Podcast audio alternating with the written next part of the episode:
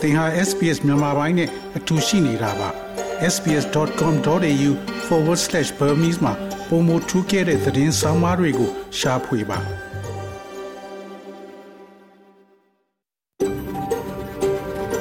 SBS A world of difference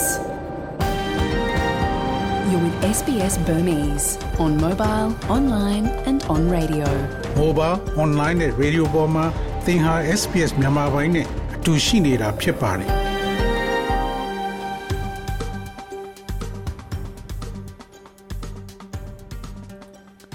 တော်ရရှင်များကျက်ဒီမင်္ဂလာဖျားဖျားနဲ့ပြည့်စုံတော်မူကြပါစားခင်ဗျာ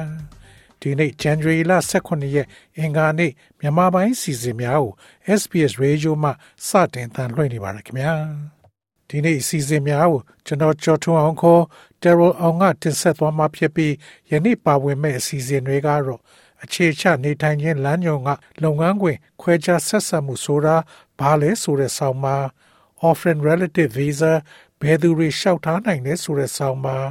တန်ရွယ်ခက်ကဘေးပို့ထားတဲ့နိုင်ငံရေးလှည့်ကွက်ကြားကနေဆက်ကိတ်များဆိုတဲ့သတင်းဆောင်ပါတို့ဖြစ်ပြီးဒီနေ့ကောင်းကြီးပိုင်းသတင်းတွေကတော့နီပေါလေကြောင့်လေရင်ပြက်ချ မြောင်မြတွင် လူဦးရေစီရင်ကောက်တဲ့စစ်ကောင်စီလက်အောက်ခံ၄ဦးဖမ်းဆီးခံရကဘာတဝမ်းအလုံးလက်မဲ့ဦးရေ၃တန်းကနေထပ်မံတိုးနိုင်ဟုဆို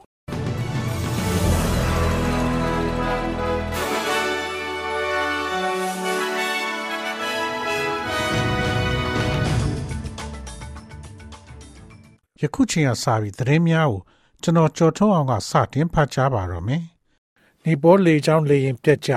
နီပေါတွင်ပြက်ကျခဲ့တဲ့လေရင်ပေါ်တွင် လိုက်ပါသွားတဲ့ဆင်နီအမျိုးသားတဦးရဲ့ဘေးကင်းမှုကိုအရေးပေါ်အတည်ပြုရန်ကြိုးပမ်းနေစေဖြစ်ကြောင်း Australian အာဏာပိုင်များကပြောဆိုပါတယ်။ဆရာ Myron Love သည်လေရင်ပြက်ကျမှုတွင်တေဆုံးသွားခဲ့တယ်လို့ယုံကြည်ရပါတယ်။ဒါပေမဲ့ဩစတြေးလျနိုင်ငံသားရေးဌာနကလေယာဉ်ပေါ်မှာဩစတြေးလျနိုင်ငံသားတဦးပဲရှိတယ်လို့အတည်ပြုပြောဆိုပါတယ်။၎ င်းတို့ရဲ့ privacy တာဝန်ဝတ္တရားများကြောင့်နောက်ထပ်မှတ်ချက်ပေးရမဖြစ်နိုင်ကြောင်းကြေညာချက်မှာဖော်ပြထားပါတယ်။မြို့တော် Kathmandu ကနေ Pokhara ခီးစဉ်တွင် ရေတီလေချောင်းလိုင်းလေရင်သည်တနင်္ဂနွေနေ့ကပြစ်ကျခဲ့ရာအ ਨੇ ဆုံးလူ68ဦးသေဆုံးပြီးနောက်ထပ်၄ဦးမှစည်ရင်မရသေးပါဘူး။မြောင်မြတွင် လူဝေးစည်ရင်ကောက်သည့်စစ်ကောင်စီလက်အောက်ခံ၄ဦးဖမ်းဆီးခံရ။ စကိုင်းတိုင်းမြောင်မြမြို့နယ်တွင် မြေပြင်လူဝေးစည်ရင်ကောက်သည့်စစ်ကောင်စီလက်အောက်ခံဝန်ထမ်း၄ဦးကိုဖမ်းဆီးရမိခဲ့ကြောင်းချမ်းဖက်မှုတိုက်ဖျက်ရေးဥပဒေဖြင့်အရေးယူရစီစဉ်နေကြောင်း NUG ပြည်ထောင်ရေးနဲ့လူဝင်မှုကြီးကြပ်ရေးဝန်ကြီးဌာနကဇန်နဝါရီလ15ရက်နေ့တွင် ထုတ်ပြန်လိုက်ပါတယ်။စစ်ကောင်စီလက်အောက်ခံအ ထွေထွေအုပ်ချုပ်ရေးဦးစီးဌာနမှအမျိုးသမီးဝန်ထမ်း3ဦးအမျိုးသား2ဦးတို့ကိုဇန်နဝါရီလ14ရက်နေ့ကစကိုင်းခရိုင်တပ်ရင်း9 MRA ကဖမ်းဆီးရမိခဲ့ခြင်းဖြစ်ပြီးစကိုင်းခရိုင်ပြည်သူ့အုပ်ချုပ်ရေးအဖွဲ့မှအချမ်းဖက်မှုတိုက်ဖျက်ရေးဥပဒေနဲ့အညီအဖြစ်ပေးအရေးယူနိုင်ရေးစီစဉ်ဆောင်ရွက်နေကြောင်းသိရှိရပါတယ်။လက်ရှိမှာဖမ်းဆီးရမိသူ၄ဦးကိုလုံခြုံသည့်နေရာတွင်ထိမ့်သိမ်းထားက စစ်ဆေးမှုများဆောင်ရွက်ပြီးအမျိုးသားညီညွတ်ရေးအစိုးရထံအမှုတွဲတင်ပေးသွားမှာဖြစ်ကြောင်းသိရှိရပါတယ်။စစ်ကောင်စီကဇန်နဝါရီလ9ရက်နေ့မှ31ရက်နေ့ထိတိုင်းနယ်ပြည်နယ်များတွင်မြေပြင်လူဦးရေစည်ရင်ကောက်ခံခြင်းများကိုလိုက်လံဆောင်ရွက်နေပြီးအဆိုပါလုပ်ငန်းစဉ်များတွင်ပူးပေါင်းဆောင်ရွက်ခြင်းမပြုရန်တော်လှန်ရေးအင်အားစုများကတိုက်တွန်းထားပါတယ်။ကမ္ဘာတဝန်းအလုံးလက်မဲ့ဦးရေ အခုနှစ်မှာ3သန်းထပ်တိုးနိုင်ဟုဆိုကမ္ဘာအလုံးလက်မဲ့ဦးရေဒီနှစ်မှာ3သန်းထပ်တိုးလာမှာဖြစ်ကြောင်းစုစုပေါင်း208သန်းရှိပြီး2024မှာလည်းအလားတူဖြစ်လိမ့်မယ်လို့အပြည်ပြည်ဆိုင်ရာအလုံသမားအဖွဲ့ကြီး ILO ကပြောဆိုပါတယ်။လုပ်ငန်းခွင်အခြေအနေရော အလုပ်အရေးအတွက်နဲ့အရေးသွေးပါဆိုးဝါးလာလိမ့်မယ်လို့ ILO ရဲ့အလုပ်အရေးသွေးဆိုင်ရာညွှန်ကြားရေးမှူး Manuela Tomei ကပြောဆိုပါတယ်။ဝင်ငွေနည်းတဲ့အလေအလတ်ဝင်ငွေရှိတဲ့တိုင်းပြည်တွေကအလုပ်သမားတွေအထိအနာဆုံးဖြစ်ပါလိမ့်မယ်လို့မစ္စတာတိုမီကပြောဆိုပါတယ်။စရိတ်စကအချက်တဲကြောင့်လူတွေပိုဆင်းရဲသွားကြလိမ့်မယ်လို့လည်း ILO ရဲ့အစီရင်ခံစာကဆိုပါတယ်။လောက်ခတွေကနေသွားသလိုလုပ်ငန်းခွေအခြေအနေတွေကလည်းဆိုးလာတာကြုံရလိမ့်မယ်လို့ ILO ကပြောဆိုပါတယ်။ အစီရင်ခံစာအရဆိုရင်တော့အလုပ်တွေကလည်းတရားဝင်သတ်မှတ်ချက်တွေကို မလိုက်နာကြတဲ့စီးပွားရေးနယ်ပယ်မှာဖြစ်နေကြတာကို တွေးကြမယ်လို့ဆိုပါတယ်။အထူးသဖြင့်အသက်15နှစ်ကနေ24နှစ်ကြာလူငယ်တွေဖို့အလုရှာရတာအတော်ကြီးခက်ခဲကြလိမ့်မယ်လို့အစီရင်ခံစာမှာဖော်ပြထားပါတယ်။အဲဒီအခက်ခဲကိုယောက်ျားလေးတွေထက်လူငယ်မိန်းကလေးတွေက ပိုပြီးရင်ဆိုင်ကြရမယ်လို့လည်း ILO ကပြောဆိုပါတယ်။စီးပွားကနေနေပဲတက်ပြီးကုန်စည်နှုန်းတွေမတမဆကြီးမားနေတဲ့စီးပွားရေးအခြေအနေကြောင့်ထုတ်လုပ်ရေးတက်လာဖို့ရောအလုသမားဈေးကွက်နလန်ထားဖို့အတွက်ပါခက်ခဲပါမယ်လို့ ILO ရဲ့အစီရင်ခံစာမှာပြောဆိုထားပါတယ်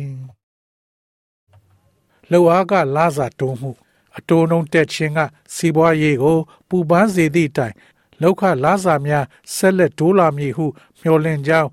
ဘန္ဒာရေးမှုဂျင်ချာမတ်စ်ကပြောဆိုပါတယ်။အားကောင်းတဲ့အလုသမားဈေးကွက်သည်လောက်ခအပေါ်ဖိအားများဆက်လက်မြင့်တက်နေသဖြင့်လာစာထုတ်ပိုးမှုများသည်ဆယ်စုနှစ်တစ်ခုကျော်အတွင်းအများဆုံးနှုန်းဖြင့်ကြီးထွားလျက်ရှိနေပါတယ်။အားကောင်းတဲ့အလုသမားဈေးကွက်သည်လောက်ခအပေါ်ဖိအားများဆက်လက်မြင့်တက်နေသဖြင့်လောက်ခငွေများသည်ဆယ်စုနှစ်တစ်ခုကျော်အတွင်း အများဆုံးနှုန်းဖြင့်ကြီးထွားလျက်ရှိပါတယ်။အနေဆုံးလာကစားကိုမနစ်ကမြင့်တင်ပေးခဲ့တဲ့ Fair Work Commission ရဲ့ဆုံးဖြတ်ချက်က Australian အလုပ်သမားများကို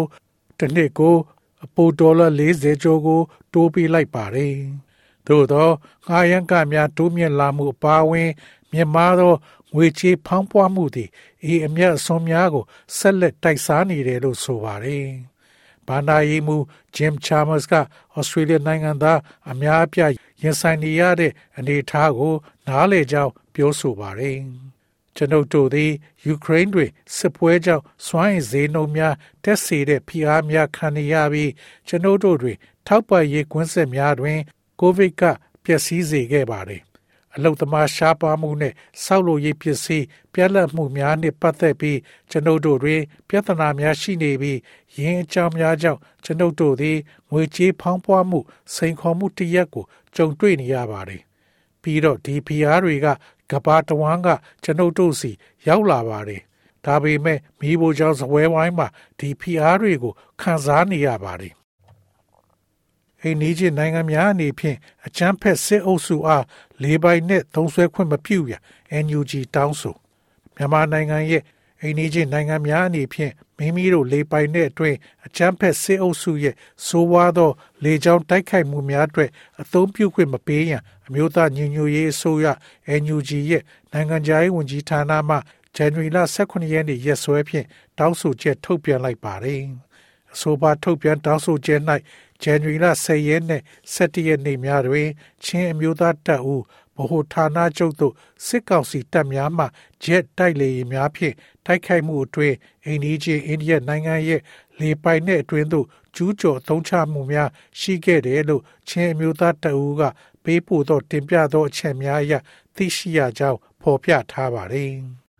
ထို့အပြင်စစ်ကောင်စီတပ်များမှကျဲချလိုက်သောဘုံများသည်အိန္ဒိယပိုင်တဲ့အတွင်းကြားရောက်ခဲ့ကြောင်းလည်းမြေပြင်သတင်းရစ်များအရသိရှိရကြောင်းပါရှိပါတယ်။စစ်ကောင်စီရဲ့လေကြောင်းတိုက်ခိုက်မှုများသည်အိန္ဒိယလေပိုင်တဲ့အတွင်းသာမက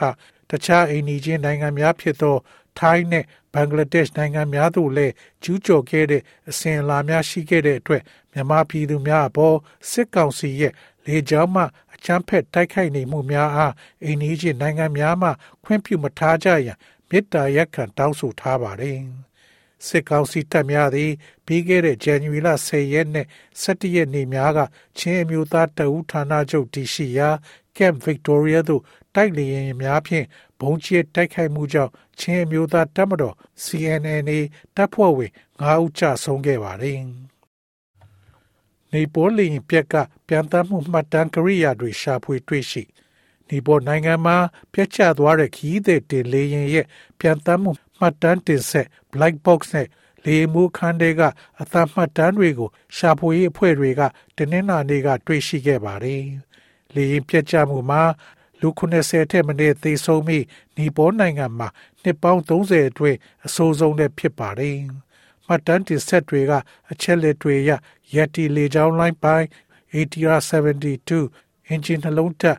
လေရင်ပြတ်ကျရတဲ့အကြောင်းရင်းကိုသိရဖို့စုံစမ်းစစ်ဆေးနေသူတွေမျှော်လင့်နေကြပါတယ်။ကဘာလက်ခီးတဲ့တွေကြားရေပန်းစားတဲ့ပိုကာရာမြို့မှာစင်သက်ခါနီမိနစ်ပိုင်းလို့တနင်္ဂနွေနေ့ကလေရင်ပြတ်ကျသွားတာဖြစ်ပါတယ်။ လေရင်မူးစီကပုံမှန်မဟုတ်တဲ့အချိန်တွေတခုမှသတင်းပို့လာတာမျိုးမရှိဘူးလို့ Kathmandu လေစိတ်ပြောခွင့်ရသူက BBC သတင်းဌာနကိုပြောဆိုပါတယ်။လူ82ယောက်လိုက်ပါသွားတဲ့လေရင်ပြက်ကျရာနေရာမှာတနင်္လာနေ့ကရှာဖွေကယ်ဆယ်ရေးလုပ်ငန်းတွေဆက်လုပ်ခဲ့ပြီးနောက်ထပ်အလောင်းနှလောင်းကိုတွေ့ရတာကြောင့်သေဆုံးသူစုစုပေါင်း80ရှိသွားပြီလို့လည်း writer သတင်းကဖော်ပြထားပါတယ်။ SBS SBS SBS SBS SBS This is SBS Radio. ငွေလဲနှုန်းမှာတော့ Australian dollar ကိုမြန်မာကျပ်ငွေ1460ကျပ်ရရှိပြီး American dollar ကိုမြန်မာကျပ်ငွေ2096ကျပ်ရရှိပါတယ်။ Australian dollar ဟာ American 69စက်နဲ့ညီမျှပါတယ်။မနေ့ပြန် Australia တိုက်မှာရှိတဲ့ မြို့ကြီးများရဲ့မိုးလေဝသခန့်မှန်းချက်ကတော့ Sydney မြို့မှာအပူချိန်30 degree centigrade ရှိမှဖြစ်ပြီးနေသားမှာဖြစ်ပါတယ်။ Melbourne မြို့မှာအပူချိန်23 degree centigrade ရှိမှဖြစ်ပြီးမိုးရွာသွန်းမှာဖြစ်ပါတယ်။ Brisbane မြို့မှာအပူချိန်29 degree centigrade ရှိမှဖြစ်ပြီးများသောအားဖြင့်နေသားမှာဖြစ်ပါတယ်။ Perth မြို့မှာအပူချိန်32 degree centigrade ရှိမှဖြစ်ပြီးနေသားမှာဖြစ်ပါတယ်။ Adelaide မြို့မှာအပူချိန်24 degree centigrade ရှိမှဖြစ်ပြီးမိုးတိမ်သားများရှိမှဖြစ်ပါတယ်။ Hobart မြို့မှာအပူချိန်22 degree centigrade ရှိမှဖြစ်ပြီးမိုးတစ်ဖြောင်းနှစ်ဖြောက်ရွာသွန်းနိုင်ပါတယ်။ Canberra မြို့မှာအပူချိန်31 degree centigrade ရှိမှဖြစ်ပြီးမိုးတစ်ဖြောင်းနှစ်ဖြောက်ရွာသွန်းနိုင်ပါတယ်။ Darwin မြို့မှာအပူချိန်32 degree centigrade ရှိမှဖြစ်ပြီးမိုးတစ်ဖြောင်းနှစ်ဖြောက်ရွာသွန်းနိုင်ပါတယ်။ဤတွင်သတင်းများကိုကြီးညာလို့ပြီးပါပြီခင်ဗျာ။။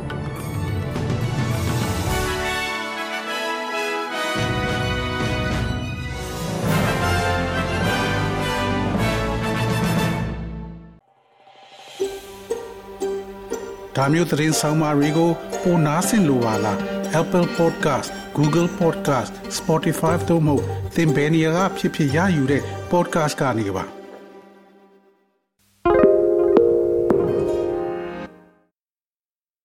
SBS is Australia's most trusted multilingual broadcaster. Our listeners are loyal, highly engaged, and have supported countless local businesses. We offer advertising packages for businesses of all sizes. Our experienced sales team will guide you through the process of owning a great campaign. Bring your own ad or have our production team make you something in one of our 68 languages. Start the conversation with your new audience today. Email sales at sbs.com.au.